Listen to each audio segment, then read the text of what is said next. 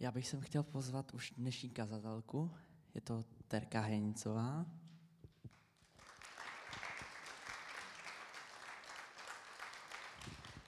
A já se tě zeptám na tvoji oblíbenou baru a co pro tebe znamená. Díky. Moje oblíbená barva je zelená a znamená naději nebo růst. Tak to byla dobrá otázka. Díky.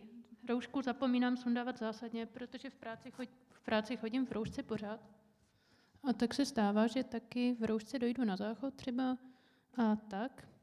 A většinou mi musí někdo říct, že jí mám na nose. Takže díky, díky. Uh, nevím, kdo je tady přípravný tým, ale máte to skvěle domluvený, protože lepší kulisy venku na kázání na téma ven z mlhy bych si fakt přát nemohla. Uh, ráda bych dneska mluvila o psychických poruchách, chorobách, jak to poznat, jak pomoct někomu, kdo má psychické problémy, jak to poznat u sebe, jak tomu předejít. Ráda budu i k dispozici k otázkám, pokud byste některé měli. Nejspíš to nestihneme během kázání, ale určitě po kázání nebo kdykoliv, kdekoliv mě najdete, tak jsem vám k dispozici. První důležitá otázka je definovat si vůbec, o čem, o čem to tady budeme mluvit. Co je nemoc? Nemoc je podle definice Světové zdravotnické organizace opakem zdraví. Nemoc jako takovou nedefinovali, ale definovali to zdraví. A definovali to tak, že zdraví není jenom nepřítomnost vady nebo nemoci, ale je to stav plné psychické, fyzické a sociální pohody. Do té sociální pohody by se dalo zahrnout bydlení, vztahy s ostatními lidmi, ale i třeba náboženství. Proč mluvit o, o psychických poruchách? Protože jich je strašně moc. Když se rozhlídnete, na, podíváte se na souseda vedle vás po pravici, po levici, tak jeden z vás to bude. Tolik statistiky. A ty čísla jsou neúprostní, teď v době covidu to roste a přituhuje. Přibývá počty depresivních lidí, počty sebevražd, počty úzkostných lidí. Kdybyste se podívali do amerických průzkumů, tak to není podíváte se na souseda vpravo, vlevo a jeden z vás to bude, ale podíváte se na souseda buď vpravo, a nebo vlevo a jeden z vás to bude. Tam je podle těch amerických statistik incidence 41%. To znamená, skoro polovina populace do 65 let trpí nějakou psychickou poruchou nebo se s psychickou poruchou ve svém životě setkala a 23% jí potkalo v posledním roce. Proč mluvit o psychické poruše, o psychických poruchách, protože to krade svobodu, krade to život, krade to radost. A je to důležité poznat, kdy vám to ten život krade.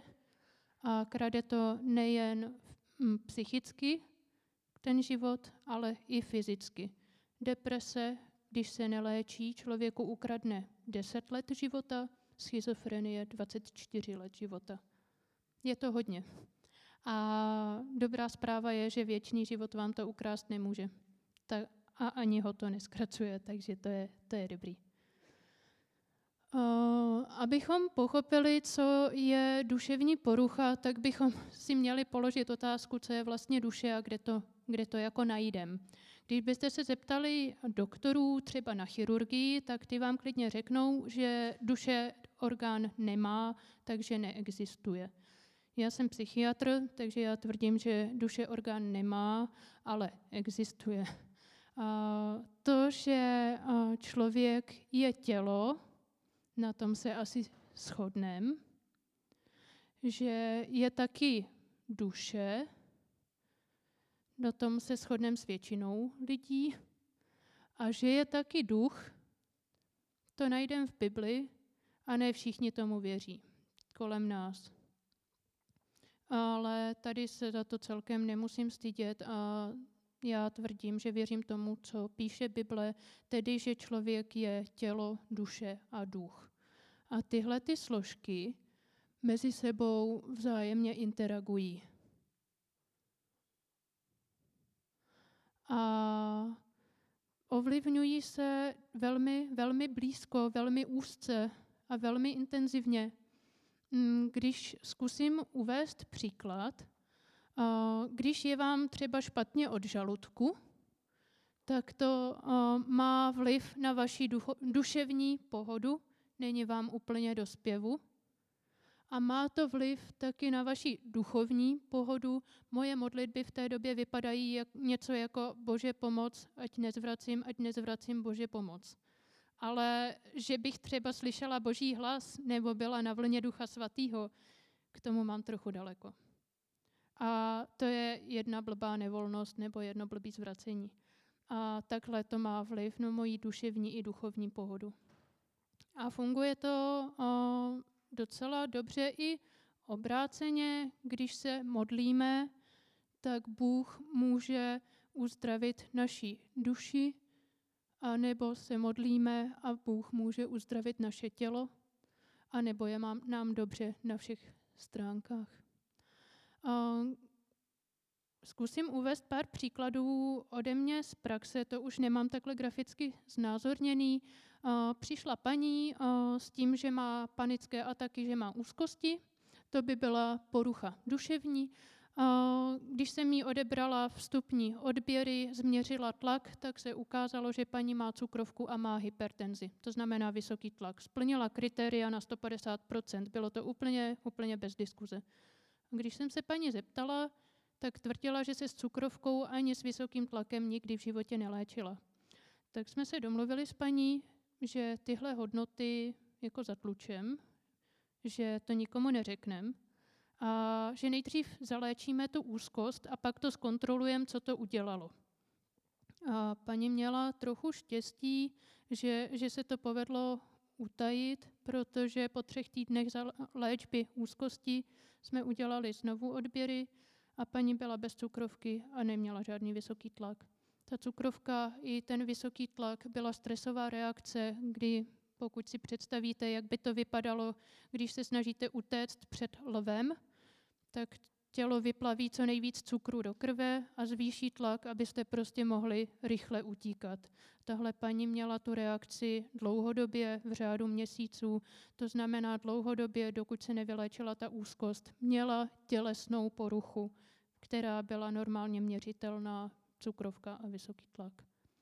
A funguje to i jinak, když šamani užívají byliny, halucinogeny, Užívají je s cílem, aby snadno navázali kontakt eh, s duchy, s démony, s duchy zemřelých a tak. To je příklad toho, jak tělesné ovlivňuje to duchovní. A já jsem zažila opačný případ, příklad, kdy paní prostě měla jsem jí v péči pár, pár týdnů zase. Na konci toho mi prozradila, že ty hlasy a to, co se jí děje, že vlastně má v sobě čtyři bytosti, které na ní mluví a říkají jí, co má dělat. A když ty bytosti popisovala, tak to vypadalo docela přesvědčivě jako démoni. Jednou v kanceláři mi taky říkala, co jsem dělala v minulých životech, mluvila tam na mě, jako když se modlíte v jazycích, ale měla jsem z toho velmi nepříjemný pocit. Myslím, že to byl nějaký satanský jazyk. No a tahle paní teda musela se mi léčit o, tak, jak léčíme všechny pacienty, protože pracují ve světské nemocnici. Nemůžu jim tam úplně vysvětlit, že tohle je problém duchovní a ne duševní. Paní dostala léky jako všichni ostatní pacienti a odcházela a strašně nadávala. Říkala, já ty léky brát nebudu, protože když je beru, tak já ty bytosti neslyším. Nedokážu s nimi navázat kontakt. A i když to byly duchovní bytosti, tak fyzické léky jí odstřihly možnost s nimi nějak komunikovat. Paní léky samozřejmě vysadila, za tři týdny jsem ji měla v péči znova, vyprala kočku v pračce, protože jí ty bytosti řekly, že prostě kočka je špinavá, že v sobě má zlo a že když ji vypere, tak jí bude líp. No, takže tělo a duch se vzájemně taky ovlivňují. Chtěla jsem vás povzbudit v tom, že pokud chcete do sebe investovat, tak má smysl investovat jak do té duchovní oblasti, tak taky do té fyzické, aby vašemu tělu bylo dobře. Má smysl zvyšovat svoji kondici, sportovat, udržovat se ve zdraví, protože když vám není dobře fyzicky, tak vám nemusí být dobře ani duchovně. A podobně, když vám není dobře duševně, nemusí vám být dobře ani duchovně. Fakt to spolu souvisí. Jste jeden člověk. Tyhle ty tři kuličky, ty tři um, kruhy jsou vlastně jedna bytost. Jste to vy. Můžeme dál. Uh, často se mě lidé ptají, jak poznat duševní a duchovní problém.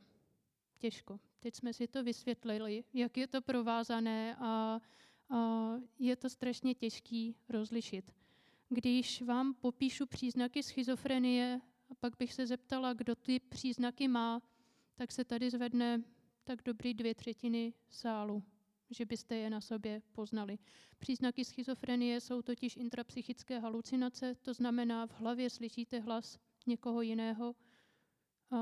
Typicky, když mluvím s Bohem, slyším jeho hlas ve své hlavě. Komunikace s Bohem, to je typický příznak schizofrenie. Um, pokud máte nějaké vidiny třeba, jakože vám Bůh ukazuje nějaké obrazy, hlavně to neříkejte psychiatrovi, prosím, hospitalizoval by vás. A tak rozlišit duševní a duchovní fakt není sranda. A pozná se to po ovoci, aspoň částečně. Když je to nemoc, tak vám to kazí život. Když je to vaše víra, tak by vám to mělo pomáhat posilovat, budovat. To, jak se to dá poznat dál, když je ta nemoc duchovní, tak mi přijde, že je taková jako inteligentní, že se umí schovat, neplní všechny ty škatulky, které, které jsou předepsané v učebnicích. Stává se, že lidé říkají, čím více modlím, čím více postím, tím je mi hůř to úplně nedělá typická deprese nebo typická úzkost. Tohle, tohle je nějaký inteligentní.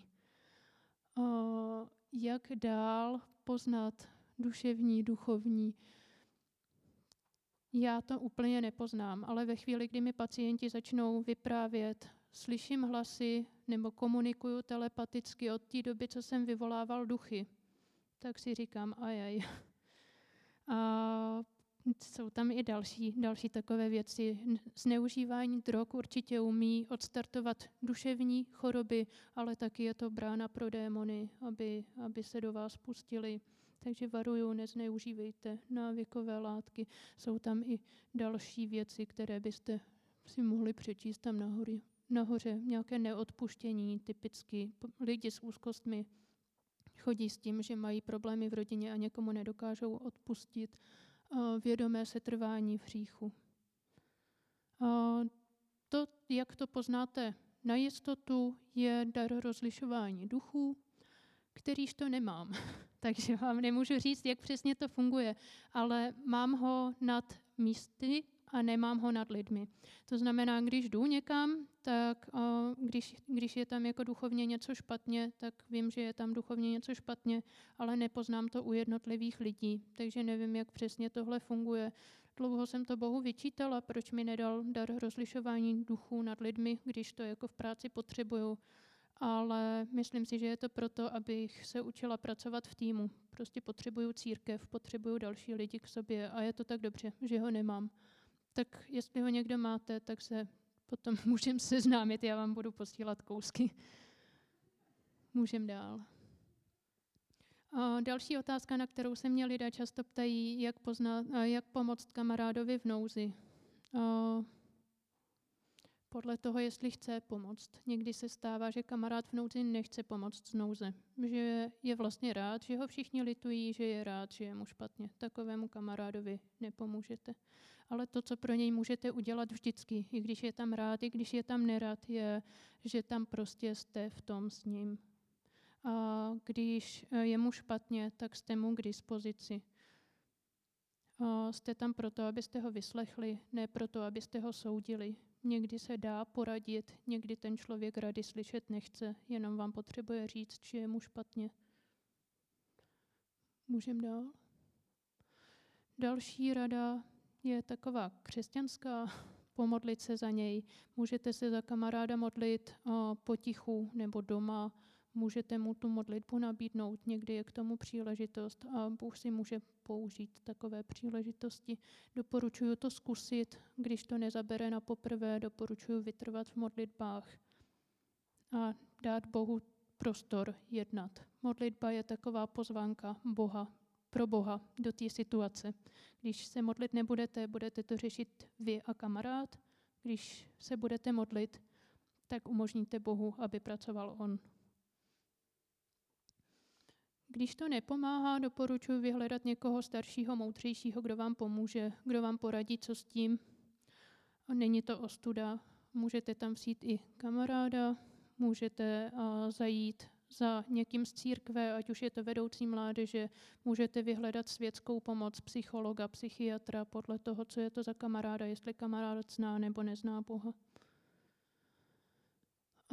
Je důležité, a to už jsem říkala, respektovat svobodnou vůli toho kamaráda. Pokud vám odmítne jít někam nebo něco dělat, vyjádřete mu to, že mu fandíte a že ho neopouštíte, i když se rozhodl jinak, než byste rádi.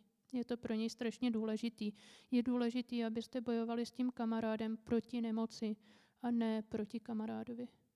Kamarád má dost starostí s bojem s tou nemocí a nepotřebuje další nepřítele uh, z řad lidí. Poslední rada, důležitá rada a ne úplně veselá rada. Může se stát, že vám kamarád říká, že se chce zabít, že nad tím přemýšlí, nebo že to plánuje, že schromažďuje léky, aby se otrávil, nebo kupuje lano, aby se oběsil. Případně se může stát, že kamarád má vidiny a slyšiny, pod vlivem kterých začne jednat. Jde o život jemu nebo vám. V tu chvíli je potřeba rychle reagovat, volat policii nebo záchranku. Není to úplně výjimečné a bývají to často mladí lidé, proto, proto vám to říkám, abyste z toho nebyli překvapení, kdyby se to stalo. A ve chvíli, kdy ten člověk se pokusí o sebevraždu, ať už to dotáhne do konce nebo nedotáhne do konce, a ukáže se, že vy jste o tom věděli, že to plánuje, ale nepomohli jste mu, nezavolali jste mu tu záchranku, tak jsou za to až tři roky na tvrdo. Je to, je to podchyc, podchycený v zákoně a není to úplně sranda. Tak pozor na to. Nezůstávejte v tom sami, určitě si to nenechávejte pro sebe a jednejte. Je za cenu, že prostě ztratíte důvěru toho kamaráda. Tohle prostě není legrace. Jde tady o život. Tohle je rada pro každého z vás. My totiž nedokážeme pomoct někomu jinému, pokud sami nebudeme psychicky v pohodě. A proto doporučuji vytvořit si svůj krizový plán. To znamená najít nějaké zdroje podpory. Zdroje podpory jsou věci, ze kterých čerpáme, které nám dělají dobře, které nás vedou do pohody, ať už duchovní, nebo duševní, nebo fyzické. Patří tam a to je to, co mě jako napadlo, když jsem to psala vy každý můžete mít svoje vlastní zdroje podpory a je to tak úplně v pořádku. Mně napadl vztah s Bohem, rodina, tělesné cvičení, procházky v přírodě, koníčky, setkání s přáteli. Určitě vás napadne cokoliv dalšího. Takže je důležité investovat sami do sebe, do vztahu s Bohem, aby vy jste byli v pohodě a mohli jste pomoct lidem, kteří v pohodě nejsou. Další krok toho krizového plánu je naučit se poznávat, že vám není dobře. Říká se tomu nějaké markanty zhoršení stavu nebo třeba červené vlaječky. To je celkem jedno, jak to nazvete. Zkuste si doma sednout a zamyslet se, co se s vámi děje, když vám není psychicky dobře. Jak to na sobě poznáte. A já tam mám zase vyjmenované věci, jak to poznám já. Já špatně spím, v noci se budím, většinou se budím nad ránem, případně večer nemůžu usnout, protože se mi hlavou honí starosti. Někteří lidé ve stresu jedí hodně, protože se snaží stres zajíst. Já jsem ten druhý typ a ve stresu moc nejím. A zapomínám na jídlo, nemám žízeň, nemám hlad. A bývám podrážděnější, mám častěji konflikty s lidmi kolem sebe, nízká frustrační tolerance je odborný termín a nevím, jak to napsat v krátkosti, aby to dávalo smysl. Zkusím vám to vysvětlit. Frustrační tolerance je množství toho, kolik toho unesete, než vás to naštve. A když jste unavený, když vám psychicky není dobře, tak se naštvete mnohem rychleji.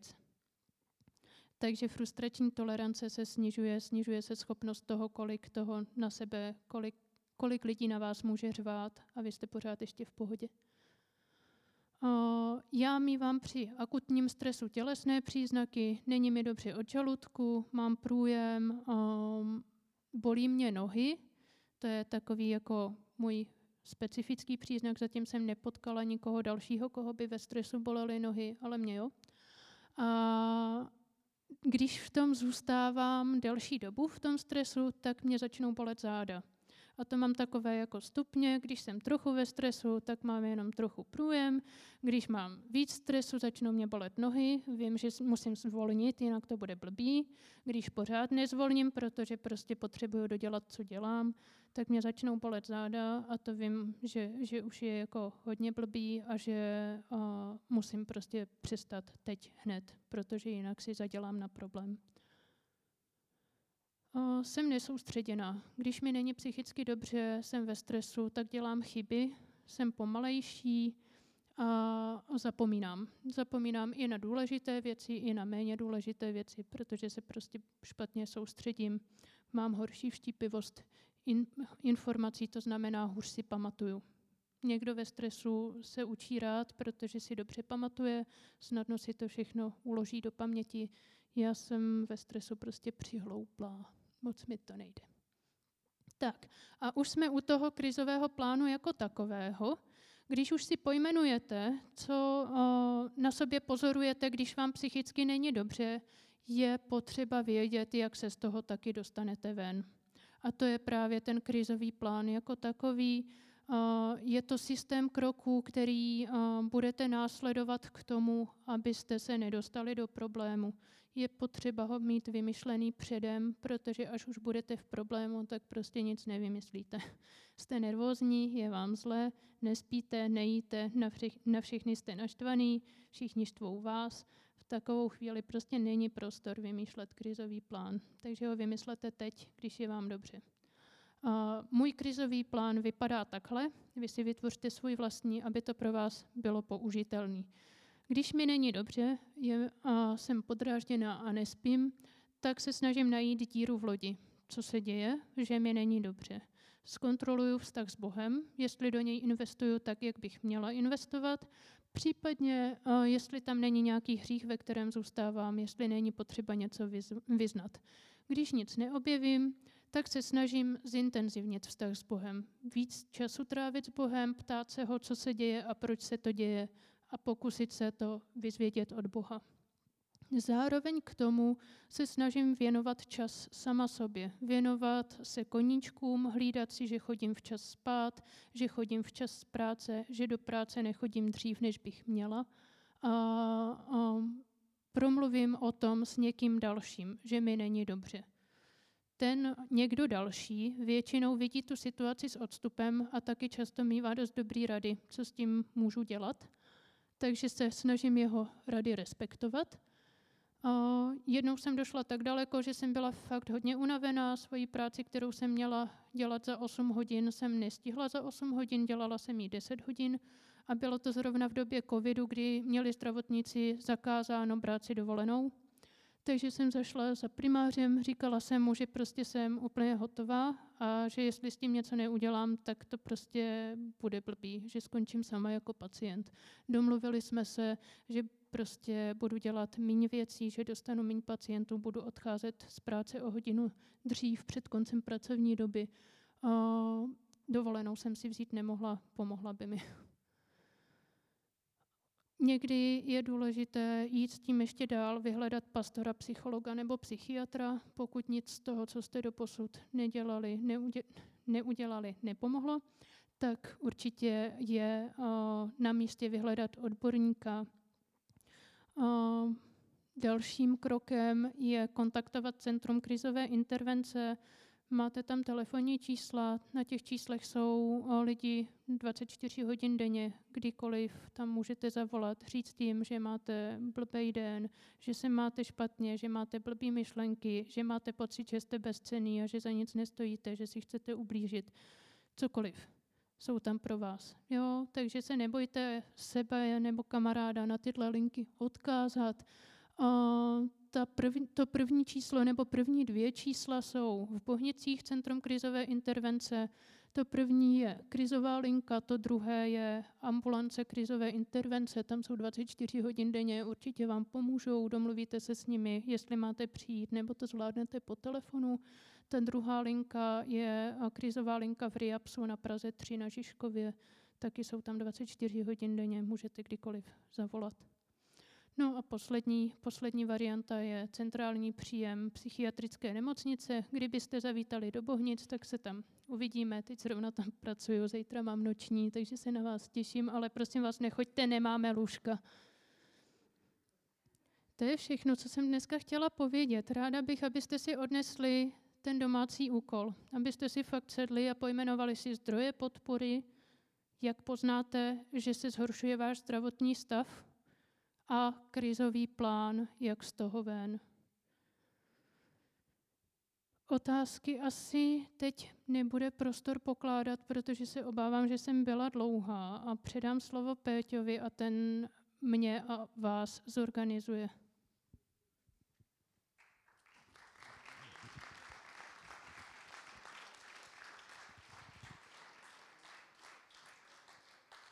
Uh, Myslím si, že můžeme dát jeden, dva dotazy tady, ale určitě s Terkou bude možnost uh, si po programu popovídat nebo při chvalách, které ještě budou uh, se uh, jít modlit. Takže pokud někdo máte nějaký dotaz teďka, maximálně jeden, dva.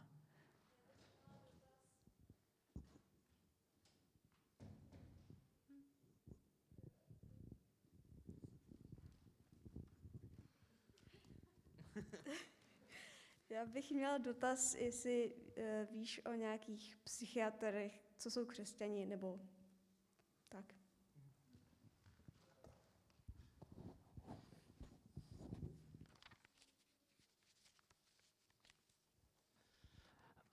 Um, mám jako blbou zprávu.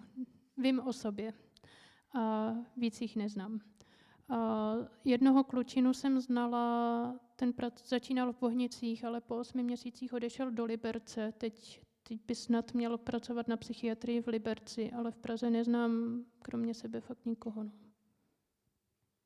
Nicméně znám spoustu a většina, většina psychiatrů je ochotná tolerovat, že je někdo křesťan, že když mu jako člověk řekne, že je křesťan, že se modlí, tak většina je s tím v pohodě a respektuje tohleto akorát s tím moc neumí zacházet. Ve smyslu nevědí, co na to říct.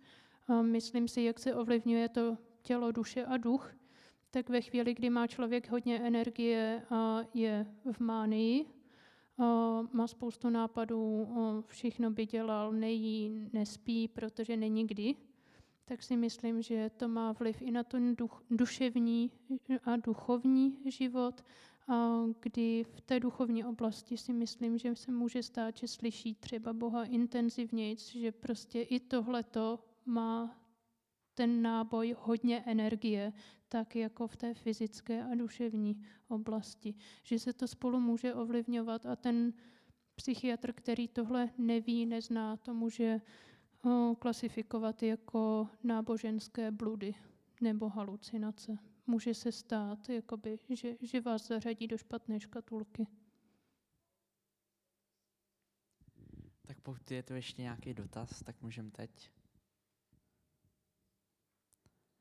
Dobře, tak já ti děkuju. Pardon, Jo. mě by zajímalo, že někdy, eh, někdy někteří lidé eh, říkají, že se zabijou proto, aby se jim člověk věnoval. Tak jak eh, rozdělit, oddělit to, když někdo říká, chci se zabít, od, a ten čas, kdy chce, aby mu člo, jako abych mu věnoval pozornost, a ten čas, kdy chce, abych, no nikdy nechce, abych zavolal záchranku, ale kdy volat záchranku.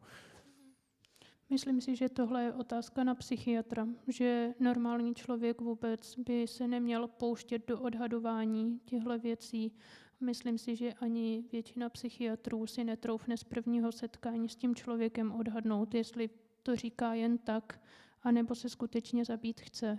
Moje osobní zkušenost s pacienty, a to bych vám asi neměla prozrazovat, ale kdo se chce zabít, tak to neříká a zabije se je taková jako moje zkušenost. Na druhou stranu znám lidi, kteří říkali, že se chtějí zabít. Jeden se mi málem oběsil na oddělení, chytili jsme ho v poslední chvíli. A bylo to vyloženě, že chtěl pozornost, ale byl ochotný dojít tak daleko, že ho to málem stálo ži- život. Takže tohle je něco, co prostě neodhadnu někdy ani já. A to pracuji na psychiatrii a setkávám se s těmi pacienty denně. Takže pokud vám někdo říká, že se chce zabít, Taková jako částečná indicie by mohla být, jestli má konkrétní plán. Ve chvíli, kdy má konkrétní plán, tak jednoznačně je to na sanitku. Ve chvíli, kdy jsou to jenom jako všeobecné myšlenky, že to nemá smysl, že by se chtěl zabít, máte tam ještě chvíli čas, než ten konkrétní plán vytvoří, ale jak ho vytvoří, tak už je zlé.